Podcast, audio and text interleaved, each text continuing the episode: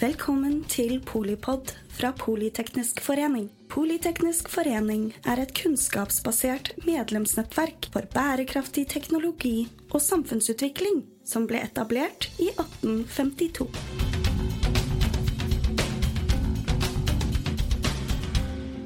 Hei og velkommen til denne livepodkasten, spilt inn direkte fra scenen i Politeknisk forening, hvor vi skal snakke om blokkjede og digitale penger. Hva er status?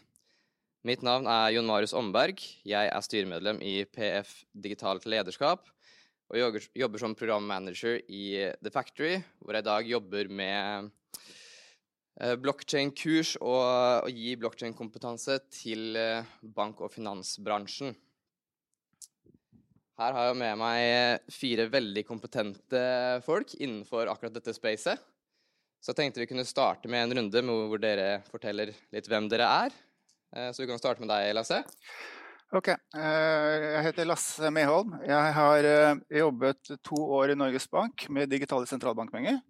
Først som konsulent og det siste halvåret som ansatt. Jeg gikk ut av Norges Bank for noen uker siden, eh, og jobber nå i mitt eget selskap, som er Finansit, som er et eh, konsulentselskap. Før det så var jeg kollega av, eh, av, av min venstre side her i to år i EI Tax and Law. Før det så jobbet jeg tre år i Nordea. Og da jobbet jeg med digitale sentralbankpenger. Eller jobbet med, med blokkjede og, og digital transformasjon. Og mellom EU og Nordea så jobbet jeg tre år i DNB og var ansvarlig for blokkjede- og DLT-strategien til DNB og digital eh, transformasjon av Wealth Management. Og før det igjen så har jeg startet to, blok, altså to oppstartsselskaper eh, som jeg jobbet i ti år i hver av de to selskapene og solgte de det ene etter det andre. Så jeg har jobbet med blokkjede siden 2015. Og så har vi oss Morten. Ja, jeg heter Morten Søberg. Det ble jo veldig langt, jeg kan ta det litt kortere. Nei, Jeg har bakgrunn som eh, sivilarbeider i Norges Mållag.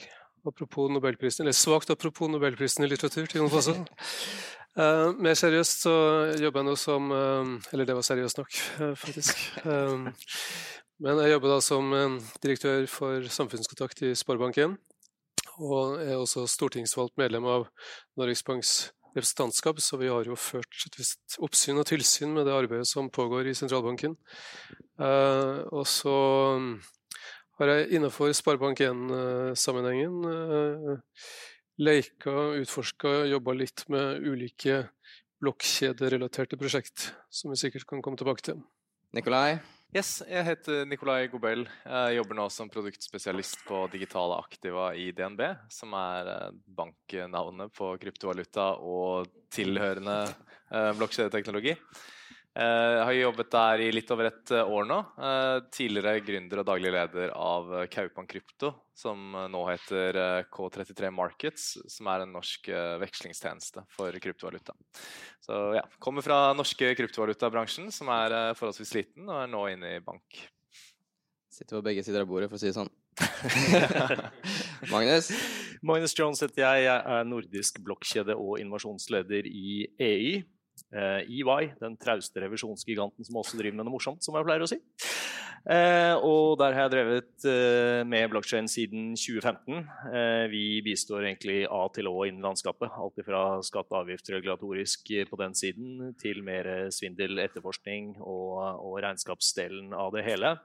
Eh, sitter også som en rådgiver i antiterrorgruppen til FN for krypto, og også en del av ekspert-metaverse-gruppen til Interpol.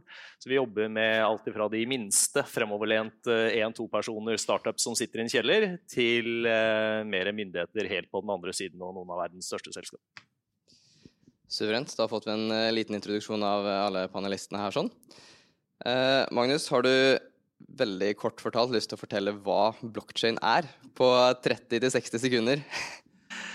En, en blokkjede er en ikke-redigerbar, desentralisert database.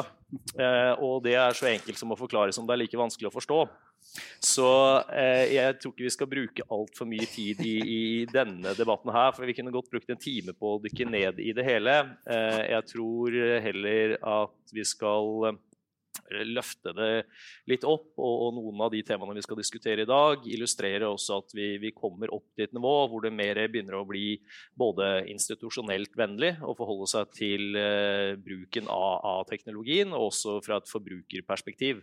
Så, så, jeg vil vel si at uh, skal man løfte noe videre der, og som en liten anekdote, så vil jeg bare si én ting, og det er at vi må nå begynne å distansere oss også fra den delen med å si at man bare bruker blockchain, underliggende teknologien, men ikke den forferdelige kryptovalutaen, fordi de to tingene er veldig korrelert. Bruker du blockchain uten disse tokens, så har du egentlig ikke noe bruksområde. Så, så det er også noe som vi skal diskutere i dag. Så jeg lar det stå med det. Suverent, det. Eh, det er kanskje ikke så viktig å vite hver detalj og hvordan blokkjeden fungerer, men det er jo litt viktig å vite hva som kan komme ut av den. da. Så jeg kan jo spørre kort uh, hver og en av dere. Hva er den største nytteverdien for uh, blokkjede, eller use-casen for blokkjede, som dere da syns? Kan starte med Lasse? Altså, jeg har lagt ut en video på YouTube for fire eller fem år siden hvor jeg tok opp ti ting som var viktig med blokkjede i forhold til tradisjonell teknologi. Og jeg har jo teknologibakgrunn. Uh, vært programmerer for 40 år siden. Uh, så jeg ser heller fordel med at man kan kombinere smartkontraktene i en blokkjede med tradisjonell teknologi. og få ut av det. Og nå, det, nå snakker vi om kunstig intelligens og bruker supersmarte kontrakter, hvor du bruker kunstig intelligens som en del av, av eh, smartkontrakten. Og jeg ser også fordeler ved at man har bare én, eh, eh, versjon av en sannhet. Altså, hvis jeg sender en faktura til deg, eh, og den er i posten, så vet jeg at du skylder meg 1000 kroner. Hvis jeg spør deg, så vet du ikke om du skylder meg 1000 kroner. Men i blockchain, hvis man bruker det, den teknologien, så får begge to den informasjonen samtidig. Så det at det fins bare én versjon av sannheten, er, er, er superviktig. Og, ja, jeg tror jeg stopper med det. Jeg har mange flere. ja, men Det er veldig bra, det. Morten? Ja, nei, Aller først så tror jeg at uh, det er sunt med en viss dose skepsis. ikke sant? Fordi dersom du sammenligner alt som uh, gjelder blokkjede med f.eks. kunstig intelligens og det siste året, så, så, ser du med en gang den enorme forskjellen. At du får et nytt produkt, en ny app som, uh, som f.eks. ChatGTP, som tar av og plutselig blir sett på som en sånn samfunnsforandrende kraft. Mens blokkjedeteknologi og ymse produkt, og tjenester, eller tjenester knytta til det, har jo på en måte vært med oss nå i, i 15 år, men har jo på en måte aldri antatt en sånn kraft og fått en sånn status, og ei heller kanskje det samme potensialet. Det er mange årsaker til det. Eh. Eh, jeg tror at mange omtaler jo blokkjedeteknologi som eh, ikke bare et forsøk på, å skape en ny finansiell sektor, ny finansnæring, men, men, det underliggende er jo at man ser på denne teknologien som, som tillitsskapende.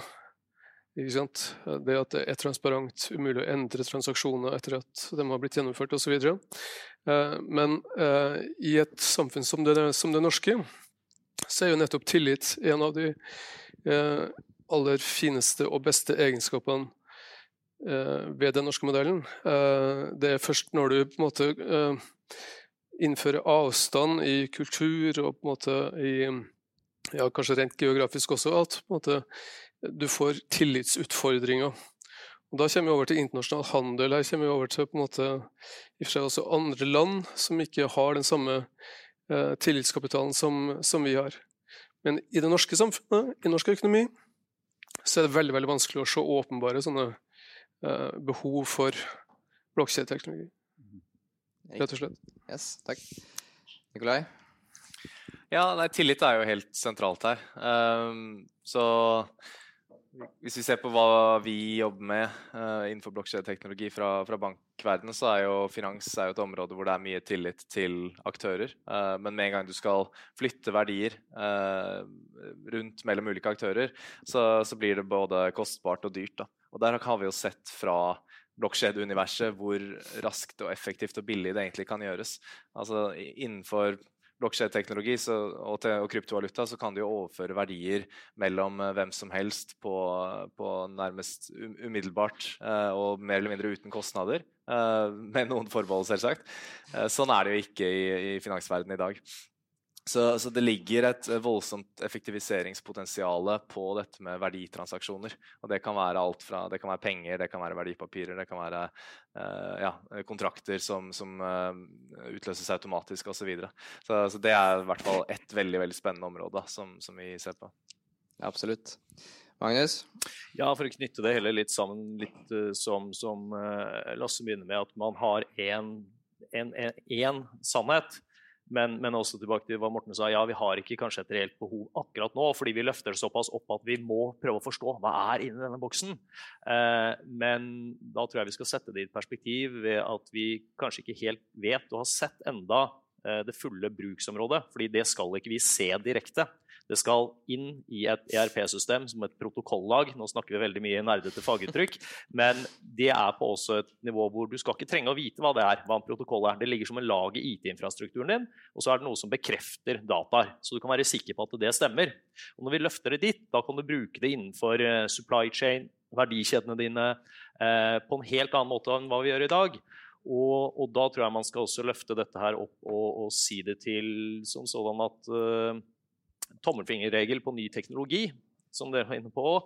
Eh, det tar 10-11 år før det blir mainstream og går inn der hvor man bruker det uten å egentlig mer tenke nevneverdig over det. Og det som vi skal diskutere i dag, og det som vi sitter og diskuterer nå, hvis vi tar kryptovalutadelen bort som kom i 2009, det er jo smartkontrakter, programmerbarheten i det hele. Det er det som jeg ser som det mest viktige. Og det kom først egentlig mainstream i 2015. Så legger vi eh, tre ikke sant? Hvis vi nå Eh, legger på 10-11 år, da, så er vi kanskje to-tre år unna eh, den delen hvor vi kommer til å se at det går mainstream. Så akkurat i den perioden vi er inne i nå, så er jeg ganske sikker på at det kommer til å skje ekstremt mye spennende. Og det kan jeg også bekrefte fra bakrommet på de aktører som vi eh, jobber med, fra de aller minste til de aller største. Ikke sant. Veldig kult. Det som starta ønsket om den podkasten her, sånn, det var egentlig litt nyheter i høst om at Citibank og JP Morgan hadde jo lansert noen blokkjein-løsninger.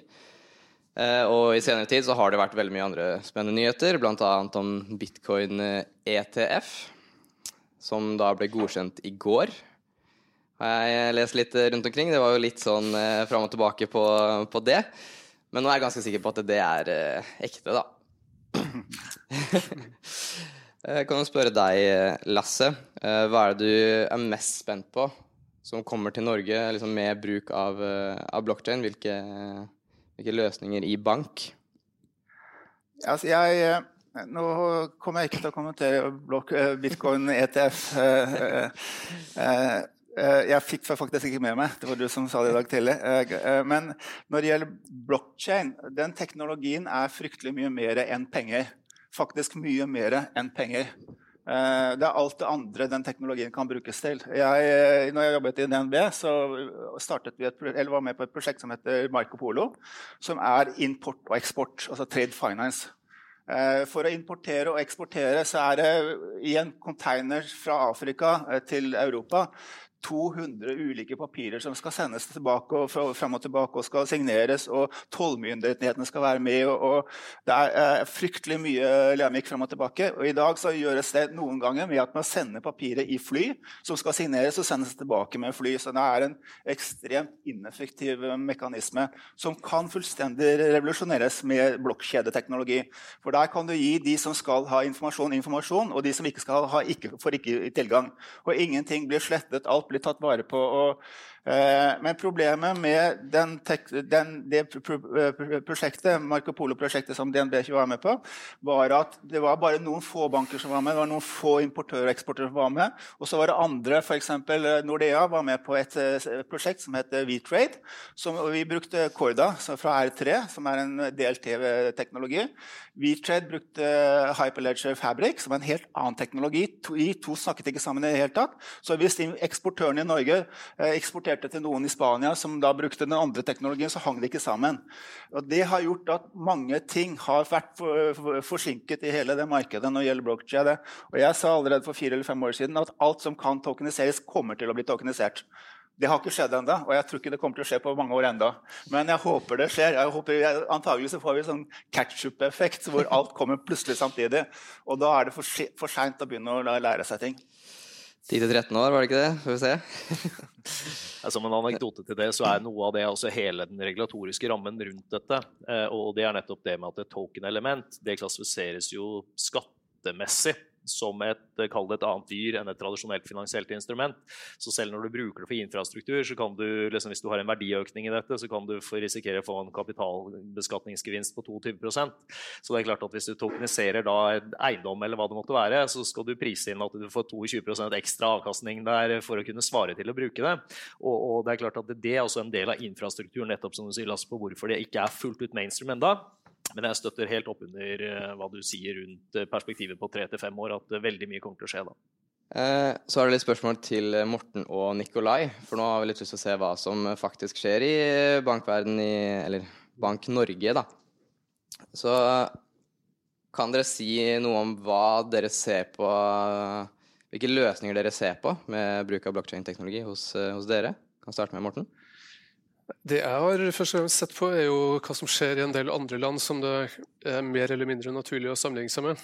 Fordi jeg har, eh, jeg har gjennomført ulike reiser til Sveits og Liechtenstein, som på en måte har vært et hestehode foran eh, både EU og, og selvsagt eh, oss. Og det som slår meg, er på en måte et par-tre ting. For det første innovasjon gjennom tradisjon. Det er slik at Både i Sveits og Liechtenstein så er det tradisjonelle banker som på en måte eh, tilbyr kryptorelaterte, eller altså blokkjederelaterte tjenester.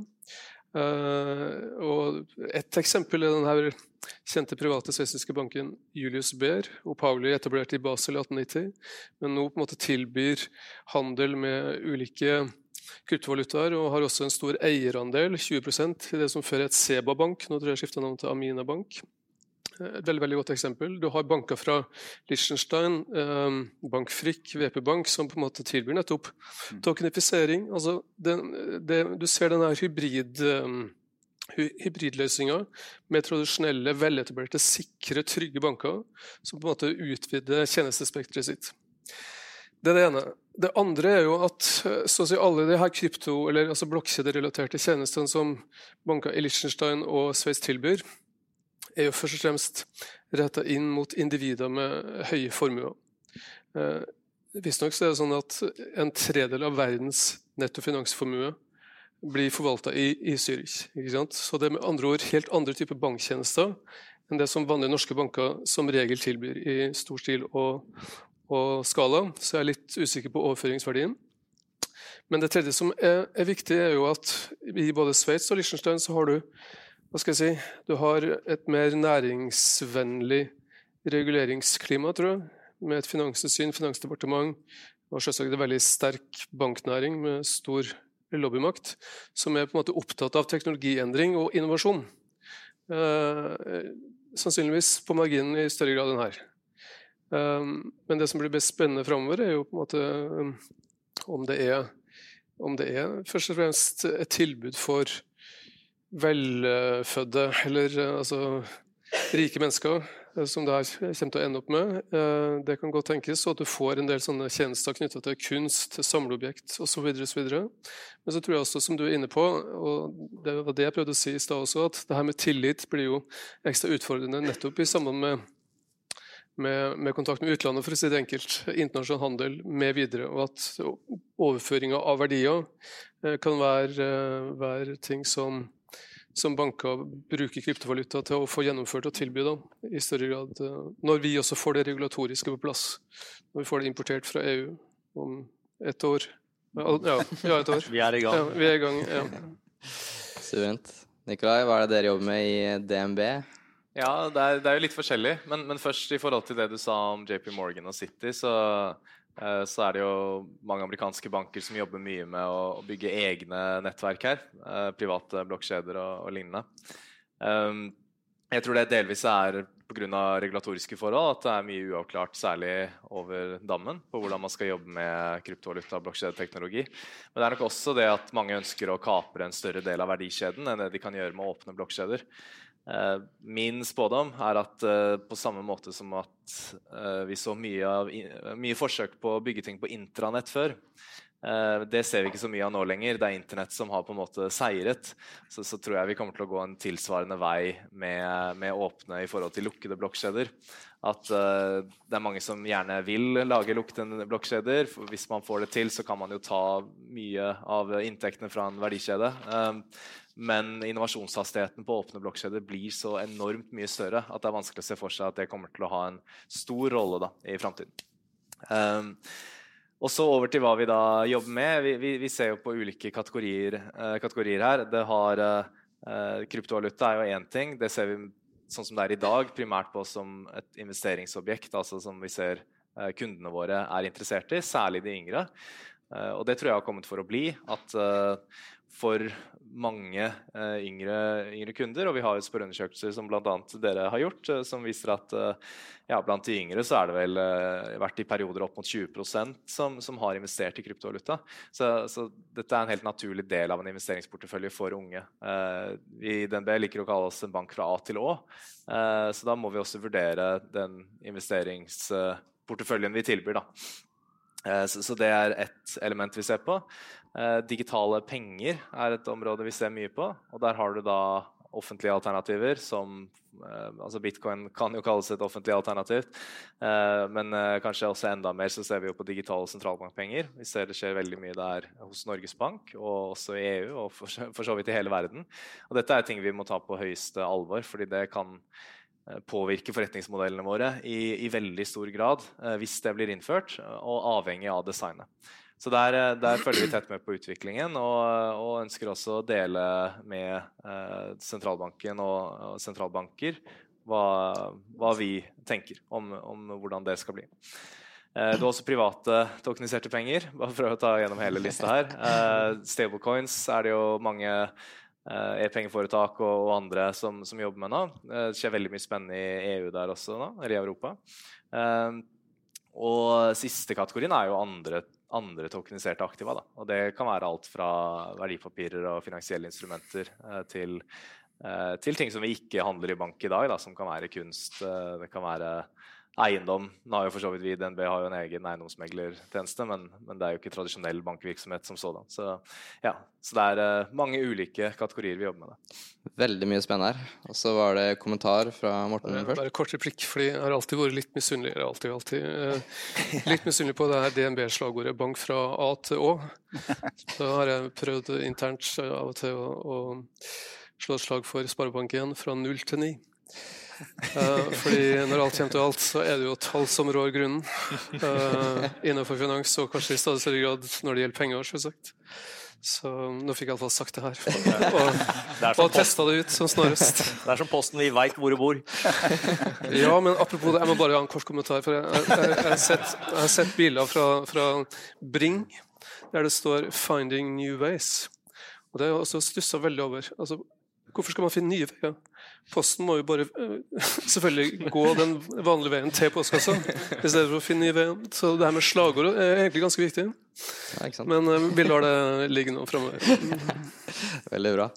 Lasse? Ja, jeg bare tenkte jeg skulle følge opp det Nikolai eh, sier med public blockchain eller privat. Og, og det er en veldig god analogi du, du bruker. Eh, problemet når man snakker om penger, er at man må vite hvem som betaler og hvem som mottar. Altså det sier Hvitvaskingsdirektivet at man må.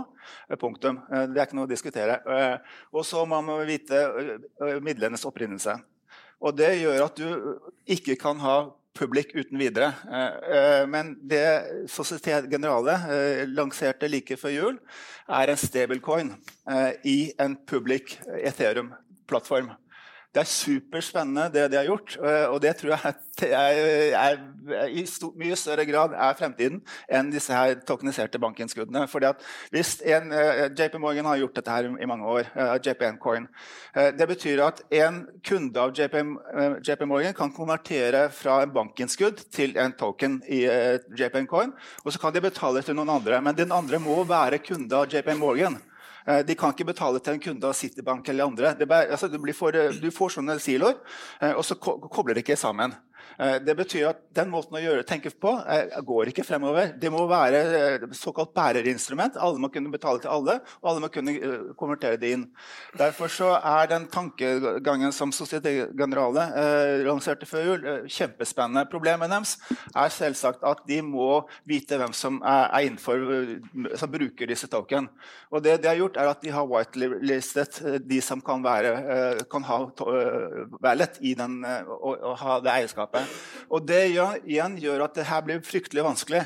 Så denne balansen som du sier, mellom veldig mye innovasjon fordi det er publikk, og uh, kontrollen som du må ha fordi det er penger, er veldig vanskelig å, å, å, å ta. Absolutt. Magnus?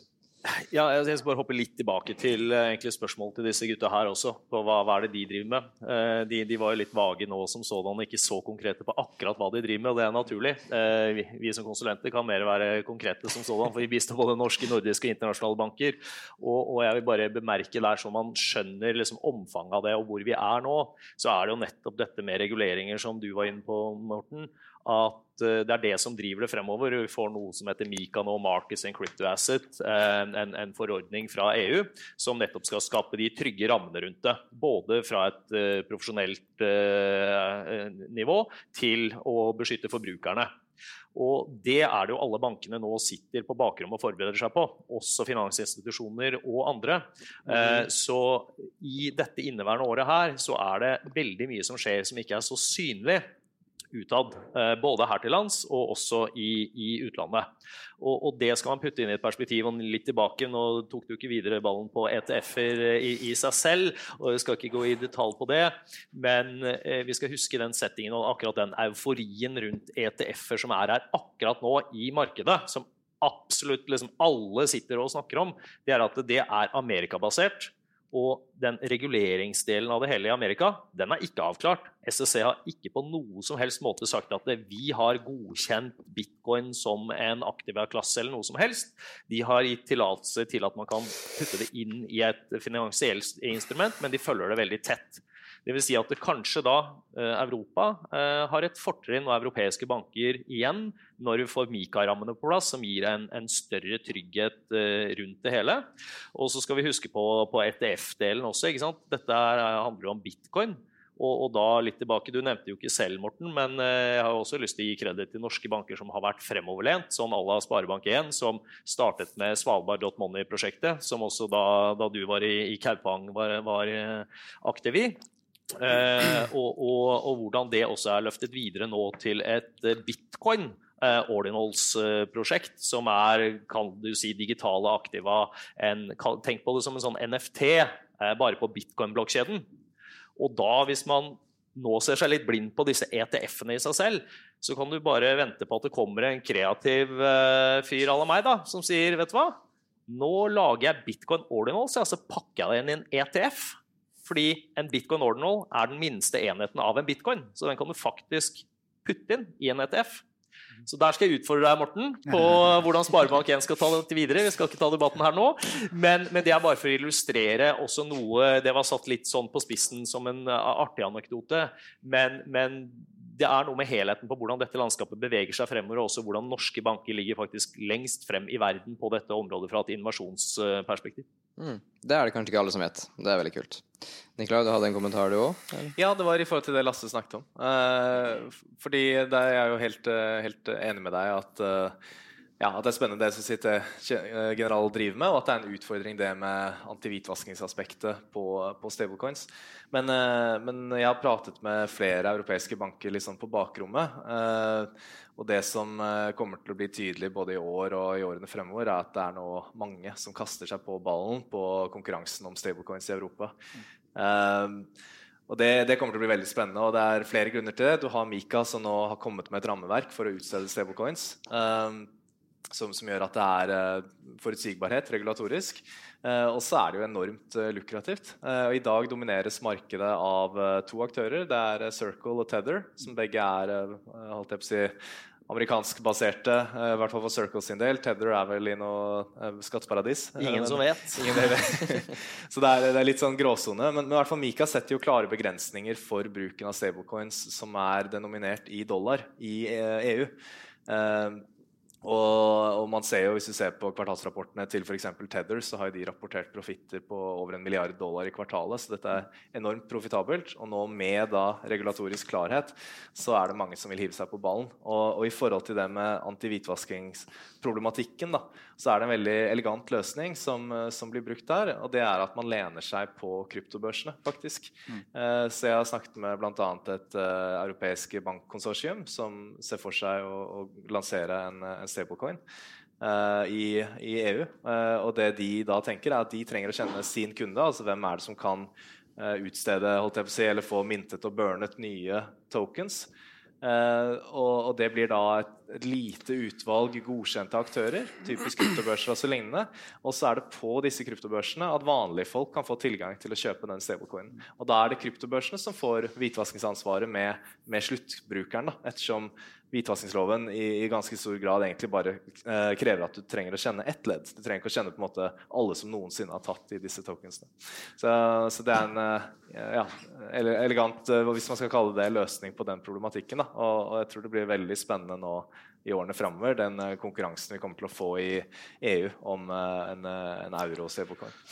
Siste kommentar fra Morten før vi beveger oss videre? Ja, før vi skal over til hovedsaka, sikkert.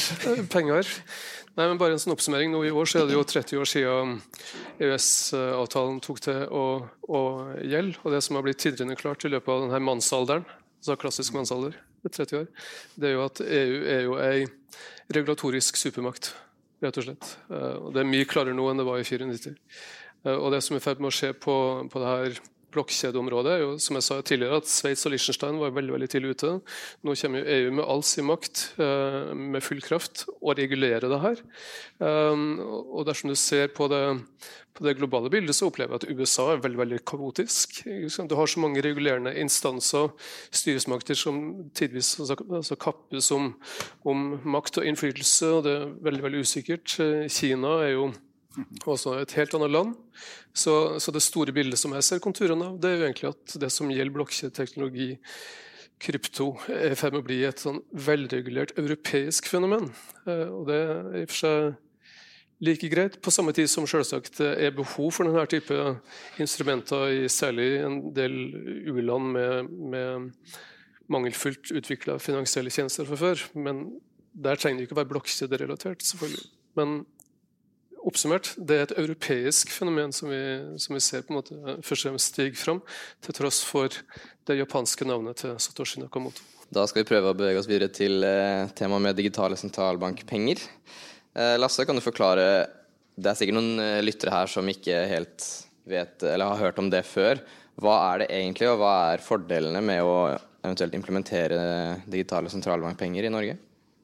Eh, altså det er eh, det er egentlig et veldig godt spørsmål uh, som jeg ikke har veldig godt svar på. Uh, det er en del ting vi trenger både i Norge og i, stort sett hele verden. Uh, spesielt der hvor det er veldig digitalisert, slik som i Norge. vi trenger en beredskapsvirksomhet. hvis nå strømmen går, Internett går, alt det teknologiske stopper opp, så trenger vi et betalingsmiddel. Noe vi kan betale med. I dag så har vi bare kontanter, og snart er det ingen som har kontanter hjemme lenger. Så hvis krisen skjer nå, så er det ingen som kan betale for seg i butikken. Og man må, kunne ha et alternativ til det. Så den, beredskaps, be, den beredskapssituasjonen må vi kunne løse. Og det kan godt være at uh, digitale sentralbankpenger kan være den løsningen. Eh, så har vi vært inne på tokenisering et par ganger nå. Eh, vi har ennå ikke kommet dit jeg trodde vi skulle komme for fem år siden. Eh, men hvis den bølgen kommer, så kan det godt være at vi burde hatt en, en, en, en sentralbankpenge uten kredittrisiko for å kunne gjøre opp for seg i et token-verden. Sånn at I den beredskapssituasjonen er det også behov for å, å gjøre noe. Så det er en del så den innovasjonstakten er, er, er veldig viktig. Også dette er en del ting eh, personer utenfor uh, digitale verden. At de har, verken har mobiltelefon eller PC eller noen ting. Spesielt litt eldre mennesker eller med ulike funksjonshemninger. De også burde ha en måte å kunne betale på bussen på. Så det er mange ting som, som skjer. Så fordelene er, er ganske store. Det å gjennomføre et prosjekt for digitale sentralbakninger er enormt. Altså, når, først skal Norges Bank trykke og slette digitale sentralbankpenger hvor en del skjer. Og så skal bankene, DNB og de andre, hvis det blir pliktig betalingsmiddel, eh, gjøre om sine systemer slik at de kan distribuere det videre. For tanken er å, å gå via bankene, ikke gå rett fra Norges Bank til kundene. Og så skal kundene kunne bruke det.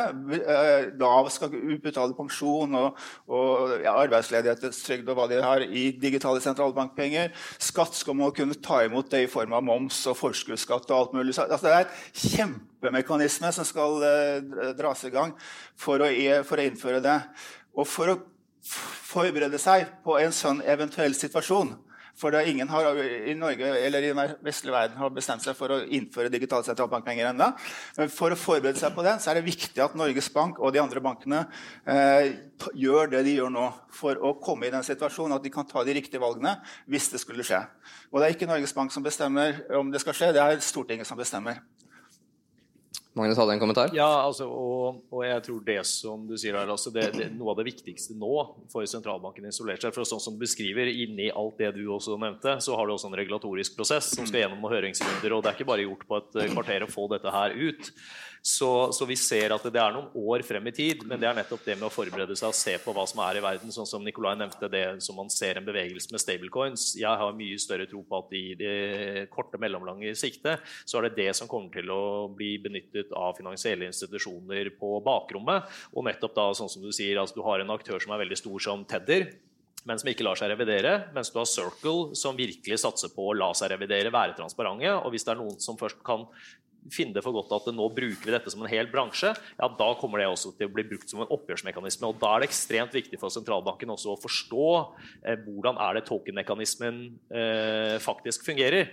og Det er derfor jeg også har lyst til å gi kreditt til sånn som fase 4-prosjektet, som, som, rapporten ble Det var vel i desember at den ble lagt ut. Eh, på, og, og den det er mye som har skjedd i det prosjektet som ikke er like tydelig, synes jeg, men hvor Norge har vært fremst i verden og bl.a. så vidt jeg vet, testet rentekalkulering eh, på en digital sentralbankpenge som den første eh, sentralbanken i verden. Eh, og også hvordan man brukte åpen kildekode fra desentralisert finans nettopp for å gjøre renteberegningsmekanismen. Ikke at man skal bruke åpen kildekode, men man, det er matematikk, så man ser at man kan bruke noe fra faktisk dette forferdelige kryptolandskapet inn i eh, faktisk en, en, så sentralisert aktør som en sentralbank.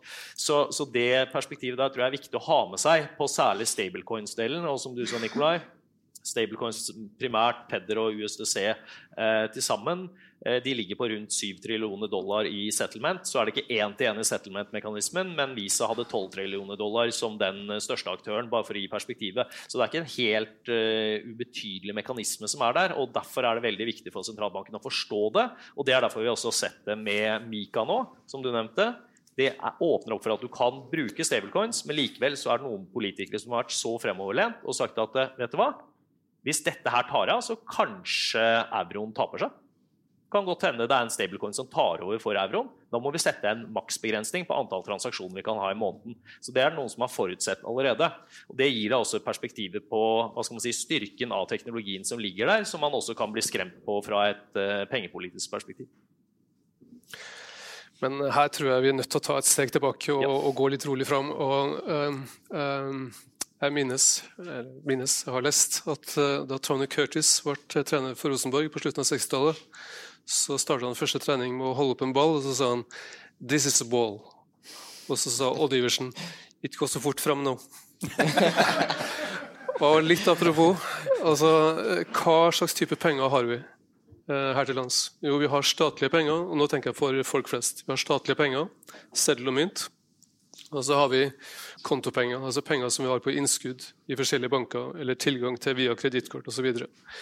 Det som er situasjonen, særlig i Skandinavia, er jo at innslaget av statlige penger, selv og mynt, går asymptotisk ned mot null. De er i ferd med å forsvinne. Eh, og Det betyr i klartekst at pengestellet er både, både, digitalisert, fordi de pengene som vi har på konto i bank, har vi først og fremst tilgang til via mobil og, og PC. Og I tillegg så er pengestellet også privatisert. Det statlige innslaget er simpelthen veldig, veldig lite.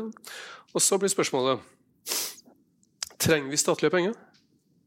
Skal staten ved sentralbanken ha en pengeproduserende rolle?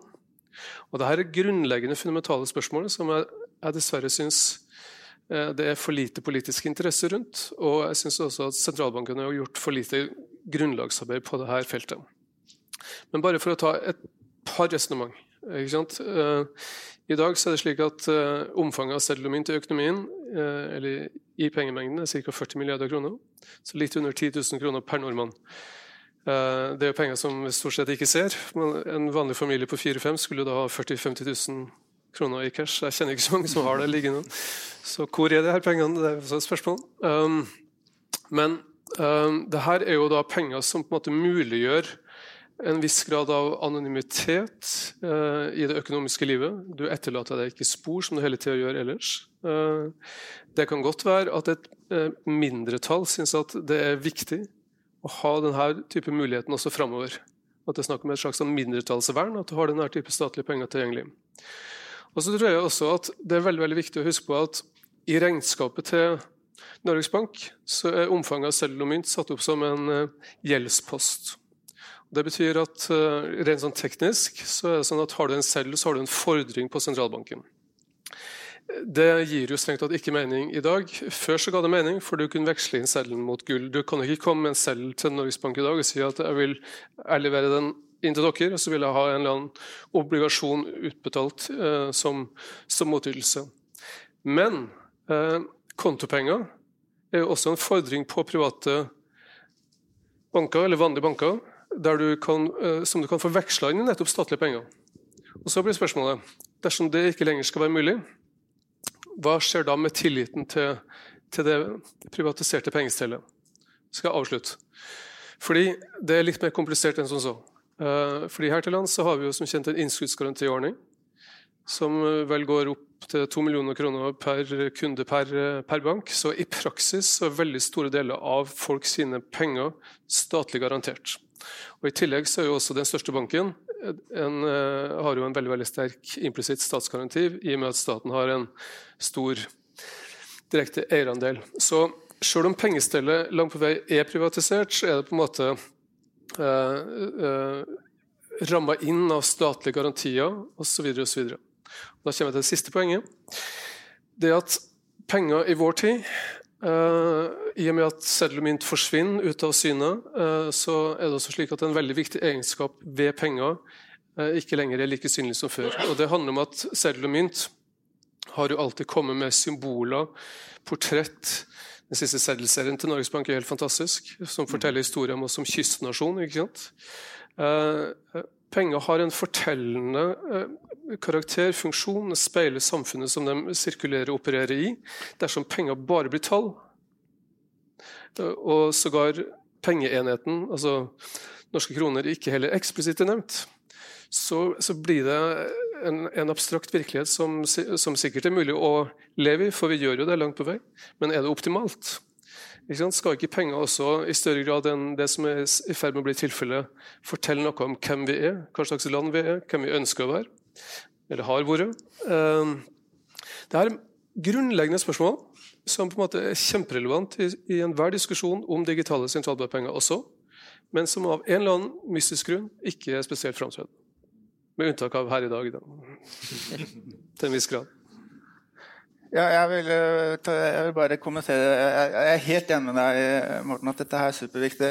En av de, eh, de, rapportene som Magnus nevnte, som kom fra Norges Bank like før jul, eh, var delt i tre. Den ene var teknologisk test av digitale sentralbankpenger i fase fire. Men en av rapportene var også finansiell stabilitet, som tar for seg en del av de tingene du, du nevner. Så litt, litt kred til Norges Bank. De har, har gjort faktisk ganske mye jobb der. Men jeg, når jeg først har fått ordet, så vil jeg gjerne ta denne sandkassen som vi hadde i Norges Bank i fase 4. Fase 4 startet når jeg ble engasjert som konsulent i 2021. Og så varte fram til i sommer, altså i juni nå sist sommer. Eh, da valgte vi å gå for en teknologi som heter Hyperledger Besu, som er en privat Ethereum-teknologi. Eh, og det gjorde vi etter at vi har sjekket massevis av forskjellige teknologier. Solana og, Cardano og Algora. massevis av greier. Brukte masse tid på det. Og så valgte vi den teknologien eh, fordi der, den er basert på Ethereum. Og i Ethereum så er det veldig mange som kan, selv i Norge. Så vi regnet med at vi kunne få tak i konsulenter som kunne hjelpe oss. Og, når, og da bankene kunne hjelpe oss, og hvis andre også var, skulle være med, f.eks. Hackathon, så var det mange som kunne den teknologien. Men da gjorde vi en del eh, Jeg tror vi satte verdensrekord innenfor for flere ting, og mange andre sentralbanker lurte på hva dere drev med i, Norge. For de hadde prøvd på mange ting og ikke fått det til, og vi fikk det bare til. Og det, renteberegning på, på digitale sentralbankpenger var én ting. Og da gikk vi rett og slett ut i Defi-markedet og sa hva er det, hva er det, hva er det beste som er? Og AV-modellen eh, var da den beste. Og det gjorde, at, eh, og det gjorde vi ved å omprogrammere ERC20-token, som vi brukte i, i Sandkassen, eh, slik at det var pengene selv som beregnet renter. Og de beregnet renter hvert sekund døgnet rundt på alle pengene som fantes. Uh, og vi trodde at det kom til å konsumere massevis av uh, prosessorkapasitet. Men det brukte altså, i snitt 128 millisekunder hver gang du gjorde en transaksjon. Så du blunka ikke engang før du hadde beregnet rente. Og da var det pengene som beregnet renter, ikke banken, ikke sentralbanken. Det var pengene som beregnet rente på seg selv. Og vi gjorde verified credential. Altså, vi, vi, vi, gjorde det sånn at hvis du ikke hadde vært inne på ID-porten på digitalt Digdir, Eh, og fått en, en en, en, sertifikat på at du er deg, altså en digital verifikasjon at du er deg, så fikk du ikke lov til å beholde eh, de pengene du hadde fått i digitale sentralbankpenger. Og da var det pengene selv som gjorde den beregningen. Og det gjorde vi også ved å omprogrammere ERC20-token eh, der. Vi hadde grensekryssende betalinger sammen med sentralbanken i Sverige og sentralbanken i Israel. og det her var før problemene i Israel kom opp. Eh, hvor vi gjennomførte betalinger fra én person til en annen person. altså det er retail eh, digitale sentralbankpenger. en person til en annen på litt under to sekunder. Grensekryssende i dag så tar det over to dager. Eh, vi gjorde massevis av ting i løpet av den fase fire-perioden som mange andre eh, sentralbanker har forsøkt seg på. Vi var de første i verden som gjorde retail grensekryssende betalinger sammen med de to andre sentralbankene. Uh, vi testet at alle uh, anonymitet. Vi testet at alle transaksjoner er anonyme. altså virkelig anonyme. Og da var det sånn at Hvis du finner ut at i, går så var det antageligvis noe som gjorde et eller annet de ikke skulle ha gjort, så var det helt umulig å gå tilbake og finne ut hvem var som gjorde det. Enten alt helt anonyme, eller alt under 500 kroner eller 1000 kroner er anonym. Og maksimalt da to eller tre ganger om, om dagen. Så vi testet mange av disse tingene som blir diskutert og, og, og, i dag er ferdig testet i den fase fire-jobben. Mm. Dere har jo nevnt fase fire flere ganger. Kan dere kort oppsummere hva som er fase én, to, tre? Hvordan hele den strukturen eh, på prosjektet har vært, og når det starta? Eh, ja, altså det, det, hele startet i 2016, så Norges Bank var ganske tidlig ute. Uh, mye tidligere ute enn Sverige. Sverige, Sverige tok, tok, oss igjen ganske fort. Men, men de, så de var ganske tidlig ute. Fase 1 to og tre var ren analytisk, altså skrivebordsøvelse. Hvor de så hva gjorde andre, hva kan eh, teknologien gjøre. Eh, ganske omfattende. Og det kom rapporter etter hver fasene, fase. Ganske omfattende. Fase tre-rapporten var helt fantastisk. Både bra skrevet og innholdsmessig bra. Eh, så, startet fase fire i 2021. Eh, da ble jeg engasjert, og den sluttet som planlagt i, i, sommer, i juni. Så startet fase fem eh, nå i sommer. og Det skal pågå fram til utgangen av 2025. Eh, og Da skal eh, sentralbanken komme med en rapport som skal leveres til Stortinget. som skal, er Stortinget som skal bestemme om vi skal gå videre med det eller ikke. Eh, så den, Det er ikke noe plan utover fase fem som jeg vet om. Riktig. Du nevnte også den uh, sandkassen som dere hadde. Det skulle jeg også spørre deg om, fordi da har dere eksterne aktører som kommer inn og prøver å lage løsninger på samme blokkjede som digitale sentralbankpenger. Eh, hvordan er det det fungerer egentlig å bygge løsninger på digitale sentralbankpenger og synergien eh, mellom de løsningene? Ja, Det var et godt spørsmål. og var, Jeg tror faktisk der var vi også alene i verden. Eh, fordi at eh, vi bestemte oss for ERC20-token eh, og en base, altså Hyperledger BC-teknologien. Og det var ingen i sentralbanken som kan verken programmere eller noen ting om det. Så vi måtte hente noen som kunne gjøre det for oss. Så vi hadde en anbudskonkurranse i Norge. Og hvis det går under en viss grense, så har du lov til å på en måte begrense hvem som blir invitert eller blir spurt om å, å være med Så vi, vi, fant ut alle som kunne noe om blokkjede i Norge, og ga dem muligheten til å gi tilbud til, til oss. Og så valgte vi da én leverandør, og det var et selskap i Bergen som heter Nami. Eh, som, eh, og det var to stykker i Norge, to i London, en i Signal. Det var liksom, altså, sånn som fintech-selskaper er bygd opp i dag. De gjorde en fantastisk jobb og bygde Sandkassen. Eh, men når vi da skulle gjøre f.eks. Eh, denne rentegreia, eh, så måtte vi ha flere som kunne jobbe for oss. Så var det en ny runde med anbudsrunde, og et nytt fintech-selskap i Norge fikk den jobben. Og gjorde det og Verifax og et par andre ting. Og da hadde vi da to fintech-selskaper som jobbet for oss. Og det går veldig fint i blokkjedeteknologi. For du bygger ting på toppen av kjeden. Og du kan bygge vallet og, og informasjon og, og, og, mekanisme i den valleten helt uavhengig, uavhengig, av hverandre. De må snakke litt sammen, men ikke, ikke veldig mye. Og så fikk vi dette her eh, i Icebreaker heter det prosjektet for eh, grensekryssende betalinger sammen med de andre sentralbankene. Eh, og da var det BIS Innovation Hub. BIS står for Bank for International Settlement. som er en, De er eid av alle sentralbankene, så det er en sentralbankenes sentralbank. De tok på seg prosjektlederansvaret for det. Men da trengte vi enda noen, til å, noen nye. Så da var det NBX, altså Norwegian Block Exchange, som fikk jobben med å bygge den grensekryssende betalingen. Og da da hadde vi altså tre ulike fintech-selskaper som bygde ting i samme mekanismen. I samme, og det går helt fint med blokkjedeteknologi pga. måten det er bygd opp på. Det hadde ikke gått med tradisjonell teknologi. Så da har vi altså vært, Og det jeg, tror jeg ikke noen sentralbank i verden har gjort. at de, har, de, bruker Accenture eller Deloitte eller altså de store.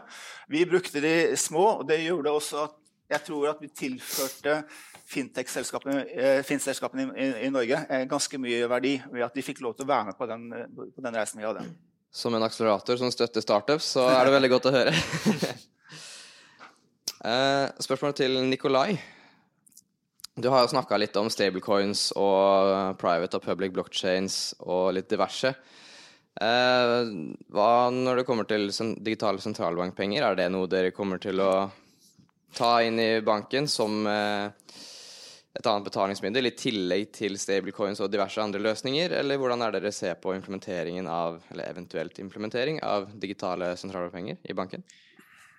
Ja, godt spørsmål. Eh, de fleste modellene, om ikke alle modellene jeg har sett for digitale sentralbankpenger, eh, eh, fordrer at det er et tvungent betalingsmiddel. Og da blir vi jo pent nødt til å, til å bygge støtte for det. Så, men, men, så da er jo kanskje det mer interessante spørsmålet er jo om vi vil det eller ikke. Eh, og det kommer veldig an på designet. Eh, fordi eh, ja, eh, Hvis vi tar på en måte nedsiden først, så er det jo at avhengig av hvordan dette blir designet, så kan det jo være eh, konkurrerende med flere av våre forretningsmodeller. Om det mm. er sant, grensekryssende betaling, om det er uh, valutapåslag, om det er betaling i seg selv uh, osv. Uh, så, så, så, det er jo et, et aspekt vi, vi, ser veldig nøye på. Hvordan kan det bli designet, og hvordan vil de ulike designene påvirke våre forretningsmodeller?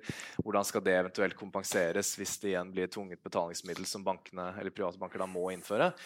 Uh, på den annen side så åpner det også opp for mye potensiell oppside. At uh, her, igjen avhengig av hvordan det designes, uh, så kan det være nye forretningsmuligheter som skapes pga. programmerbarhet, pga. Uh, effektivitet uh, osv. Så, videre. så så vi, vi, følger veldig tett med på det. Uh, og vi er med på, på, referansegruppe, og vi leser alle rapporter som kommer, og vi prøver å bidra med, med våre tanker og meninger. Uh, ja, og, følger spent med det. Så. Ja, igjen For å bare gå litt tilbake til, til, et av dine første innlegg her. fordi Du brukte ordet beredskap, eller vernebuing, som det heter på nynorsk, uh, veldig ofte. det syns jeg til sjuende og sist er litt sånn svakt argument for å på en måte innføre nye statlige penger. Uh, I de aller fleste tilfeller eh, der vi har på en måte tekniske og teknologiske problem med betalingssystemet her til lands, så er, er problemet løst innen rimelig kort tid. Uh, er det snakk om på en måte vernebygging overfor store katastrofer, uh, krig osv., så, videre, så, så tror jeg ikke det er digitale sentralbankpenger som på en måte hjelper oss. Så det, det, er det ene. Eh, jeg tror at Det fundamentale spørsmålet er jo følgende. Hvor stort fotavtrykk i økonomien skal statlige penger ha? Hvor viktig skal Norges Bank være som bank? Ikke sant? Og jeg vil jo tenke og tro at dersom man skal innføre nye statlige penger og attpåtil pålegge alle banker å bygge opp tjenester for å på en måte håndtere det her, gjøre det her tilgjengelig, så, så, så, må jo siktemålet være en annen fordeling mellom offentlige og private penger enn i dag. Det, det er helt åpenbart. Og det kan være gode grunner til det for all del. Men det må utredes, og det må på en måte besluttes på, på en veldig veldig grundig måte.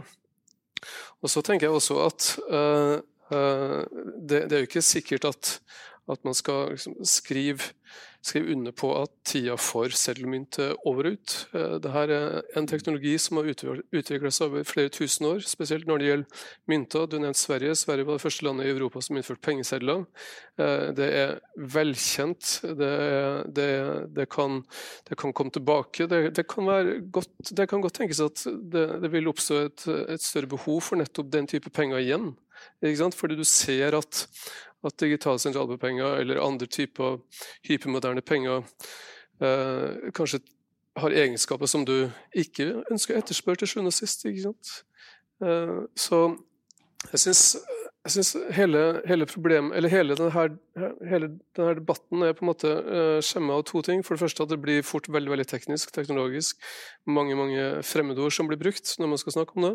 Og for det andre det er en del den fundamentale, grunnleggende spørsmål som man uh, ikke nødvendigvis hopper bukk over, men som jeg, hadde, som jeg, tror vil på en måte komme opp og fram i mye større grad framover. Og igjen så er vi tilbake til EU, fordi jeg tror at arbeidet som Den europeiske sentralbanken gjør med tanke på digital euro, eh, er for det første mer imponerende enn det, som skjer her til lands. Fordi det, det, du har en helt annen hastighet og en helt annen politisk involvering mot EU-kommisjonen, EU-parlamentet. Og for det andre, den er mye mer politisk interessant, fordi i EU så handler det om måte, den geopolitiske statusen til euroen. Uh, igjen EU i større grad enn det vi tenkte i 94. Uh, supermakt på så mange vis. Mm -hmm uten at man endrer standpunkt sånn uten videre av den grunn. Uh, Selvsagt. Men, uh, men lell. Men, men, også det som du sa, Morten, med, med overvåkningselementet. ikke sant? At man, ja. uh, man, trenger jo ikke være konspirasjonsteoretisk for å forstå at det ligger noe rundt det med å gjøre noe digitalt hele tiden og ha en direkte sporbarhet på alt som er der. Men det hjelper å være Ja, ikke sant? Men, men, men, det var tilbake til hva jeg har lyst til å gi Lasse og, og, og fase 4-gjengen kreditt for. Nettopp det som du nevnte da, i den settingen med det du sa der med at uh, Vet du hva? De, den teknologien som vi så på der og da, den sørget de for at faktisk, teknisk sett, ingen av oss kunne se tilbake på under en terskelnivå som vi kan sette på 1000 eller 10 000 eller hva.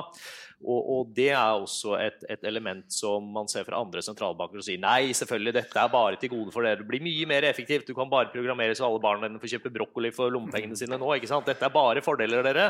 Fremfor at du faktisk løfter opp en, en reell problemstilling som er der, som nettopp eh, løses også med, med, fysiske sedler og mynt. Så, så, det er også et element i den fase fire som jeg syns har forsvunnet litt uh, i det store bildet, som vi skal gi uh, Norge og Norges Bank og Lasse og den gjengen veldig stor kreditt for, for, hva de så på der og da.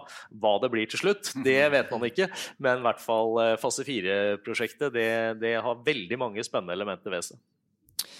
Implementeringen av eh, blokkjede i Finans Norge, er det noe som privatpersoner kommer til å merke mye av, eller er det mest eh, innenfor eh, finansielle institusjoner som har størst impact av implementeringen og testingen av blokkjede-løsninger? Jeg kan godt begynne.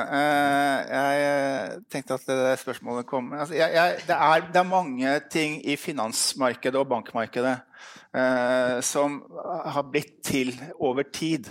Og da ble det tenkt ganske klart i 1970 eller der omkring. Og så har man da lappet på litt her og litt der. Og til slutt så er det noen ganger det er greit å bare si at dette her driter vi Nå begynner vi forfra igjen, og så bygger vi alt på nytt igjen. Eh, det kan være at noen av, eh, mekanismene er der. Og blant annet, eh, som et eksempel, verdipapirmarkedet, altså aksjer, kjøp og salg av aksjer. Først så må selskapet som skal listes på børsen, få liste. De må ha en, et selskap som sørger for at de blir, blir listet. Og så skal jeg som kjøper aksjer, ha en, en, megler. Og megler må ha en såkalt hva heter det, uh, kontofører. Eh, jeg, surrer med moren en gang iblant. Altså, jeg må ha en megler, og megler må ha en kontofører som kan være et annet selskap. Men ofte er det samme selskapet. Og det selskapet må også ha en bank.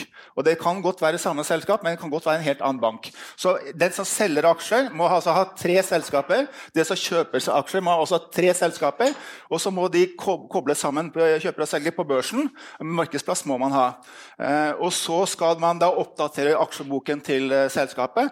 Og da er en kontofører aksjeselskaper som igjen må oppdateres. Altså det er i hver handel åtte, ni, kanskje ti selskaper involvert i den ene handelen. I en blokkjedeteknologi så trenger du ikke megler. Du ikke, altså det, det, er person-til-person-betalinger, men du trenger en markedsplass. Sånn at det å, å, revolusjonere det markedet, gjøre det mye mye enklere, er, er, supereffektivt. Det er bare at det skjer ikke. Jeg trodde det kom til å skje for, for mange år siden. Eh, og Nasdaq brukte hundrevis av millioner kroner på en blokkjedebasert teknologi. Og nå er vi tre eller fire år siden.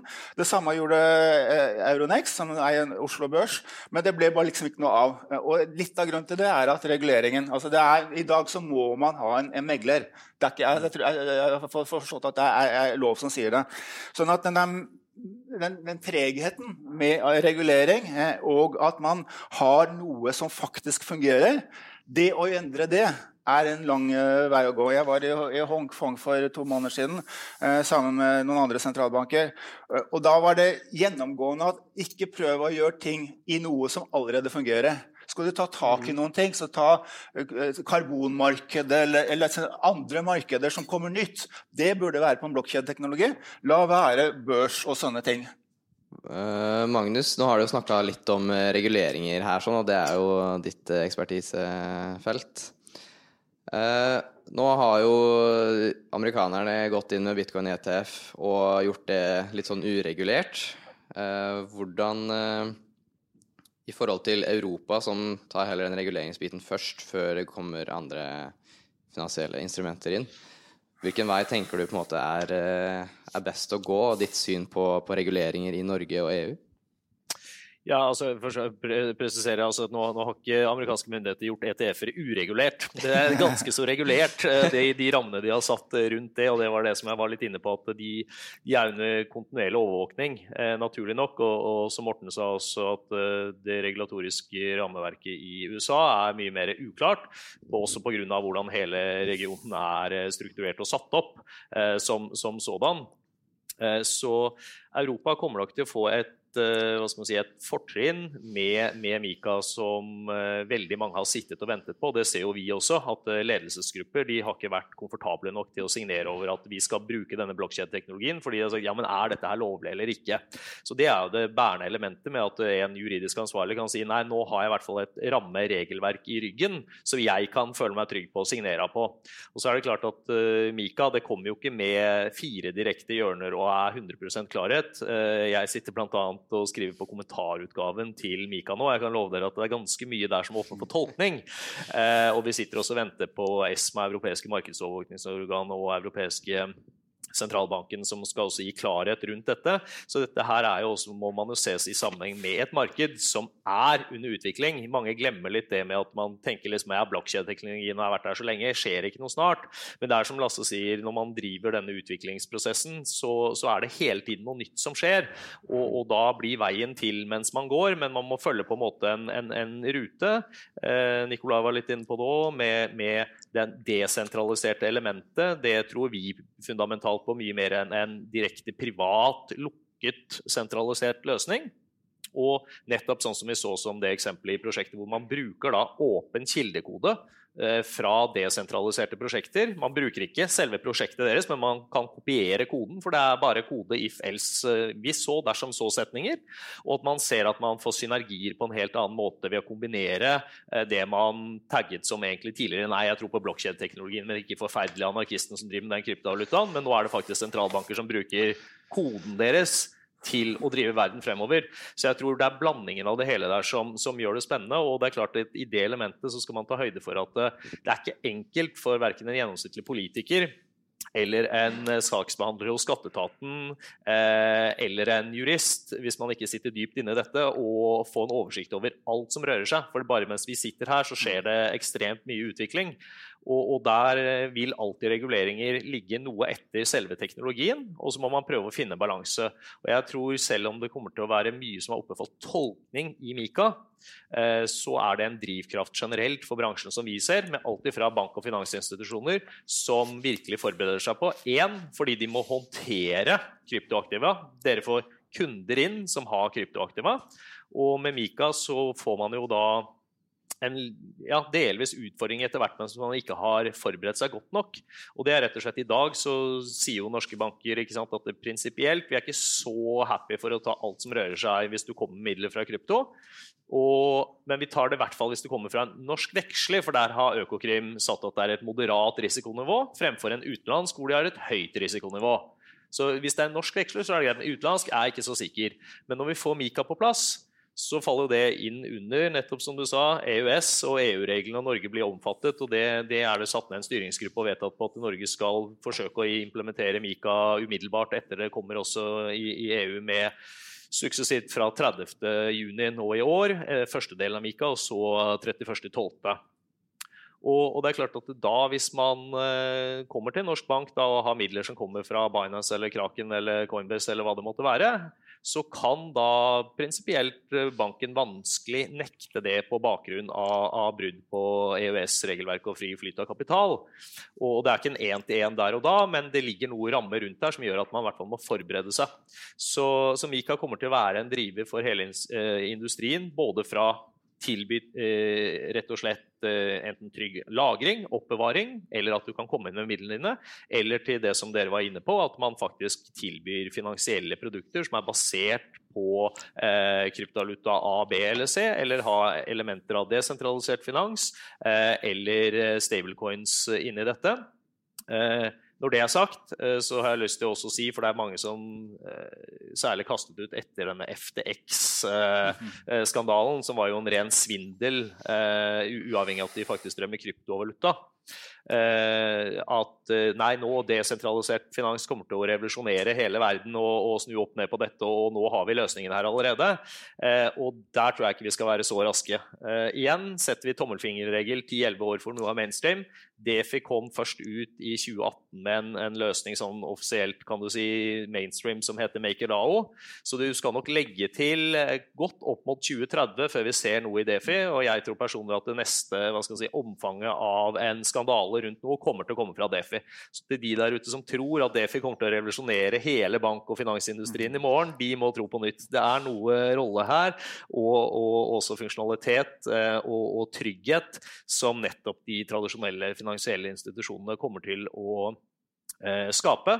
Eh, men at vi må forberedes på en kombinasjon tror jeg, av da både kryptovaluta i mange forskjellige former, stablecoins og etter hvert også programmerbare digitale sentralbankpenger. Men der som Lasse sa, er det ekstremt mange spørsmål som må, må svares ut før vi i det hele tatt er i nærheten av å, å kunne snakke om det. Ja, bare noen avrundende kommentarer fra min side. For vi starta med å snakke om på en måte blokkjedeteknologi og, og, tillit. Og litt apropos USA, hva skjer når tillit forsvinner? Fordi det som er påtakelig ved USA, er jo hvordan tilliten til selve demokratiet til valgavvikling er en skygge av, seg sjøl. Det er utrolig mange republikanske velgere som rett og slett tror at uh, det siste presidentvalget var herja av juks og fanteri.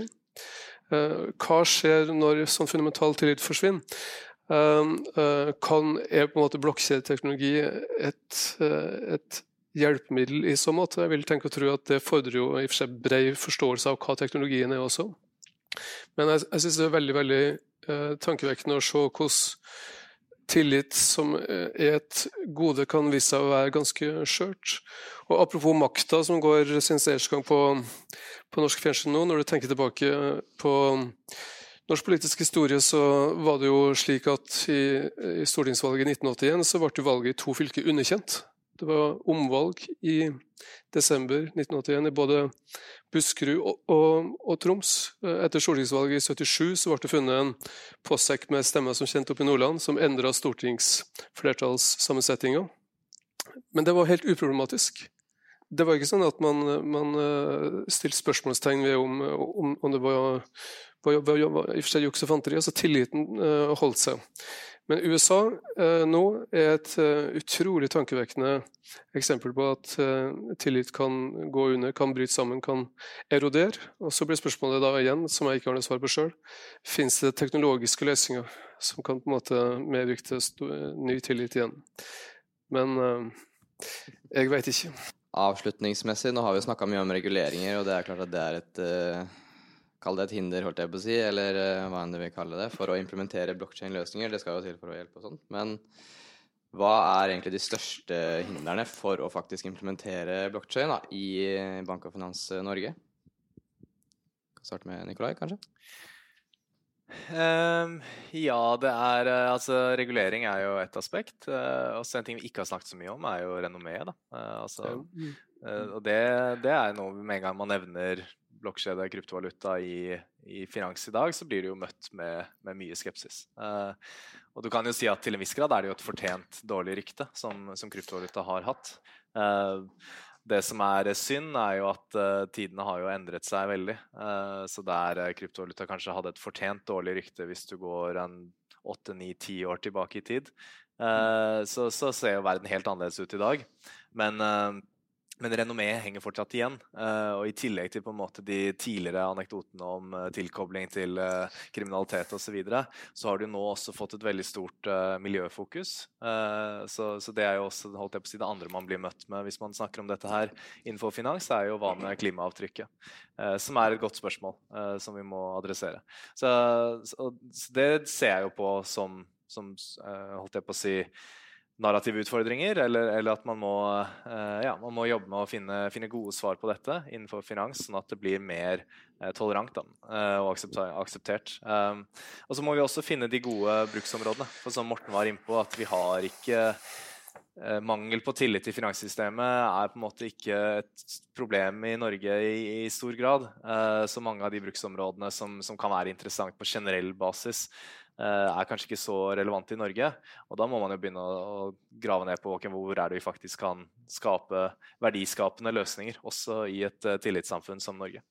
Men det er også som du sier, altså på særlig ESG-elementet på mm. Environment Social Governance at uh, du får jo nå nye lovpålagte krav til nettopp hvordan du må kunne bevise opprinnelse. Det være seg om du har produsert uh, råvarer av et eller annet slag, eller om det er mat, eller hva, hva enn det måtte være. Eh, og, og, det er klart at eh, da må man også eh, kunne bevise dette på en eller annen måte.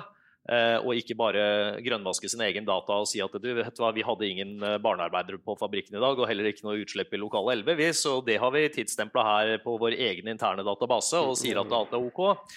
Så det er nettopp ett bruksområde hvor blokkjedeteknologien er veldig godt egnet, så lenge du har flere uavhengige tredjeparter inne som verifiserer faktisk den datainputen på en blokkjede. Og Det er også viktig å ha med seg at det går på godt norsk skitt inn, skitt ut. ikke sant? Putter du dårlig data inn på en blokkjede, så får du også dårlig data der. Da kan du ikke stole på det. Så du må kunne stole på input-data. Og Det er jo også derfor du trenger sentraliserte parter, ironisk nok, for å bygge et desentralisert system videre. Så, så, så den, den, delen der tror jeg vi skal eh, ta med oss at det er veldig mye av dette som du og jeg og, og mannen i gata ikke kommer til å merke isolert sett, men det kommer til å være underliggende en bekreftelsesmekanisme i et økosystem, i ERP-system, i en supply chain, i en verdikjede, eh, til alt ifra vanlige bedrifter til bankfinansnæringen som gjør det for oppgjørsmekanismer. Eh, så, så, selve teknologien kommer til å bli brukt for veldig mye av disse lovpålagte kravene som kommer ut også med produktpass og, og andre ting eh, som sådan. Tror vi dessverre må runde der. Nå har vi brukt litt mer tid enn det vi har. Jeg tror vi kunne sittet her og snakka til i morgen hvis vi ja. hadde lyst til det. Bare en bitte liten kommentar, for du ja. brukte det kjente uttrykket 'mannen i gata'.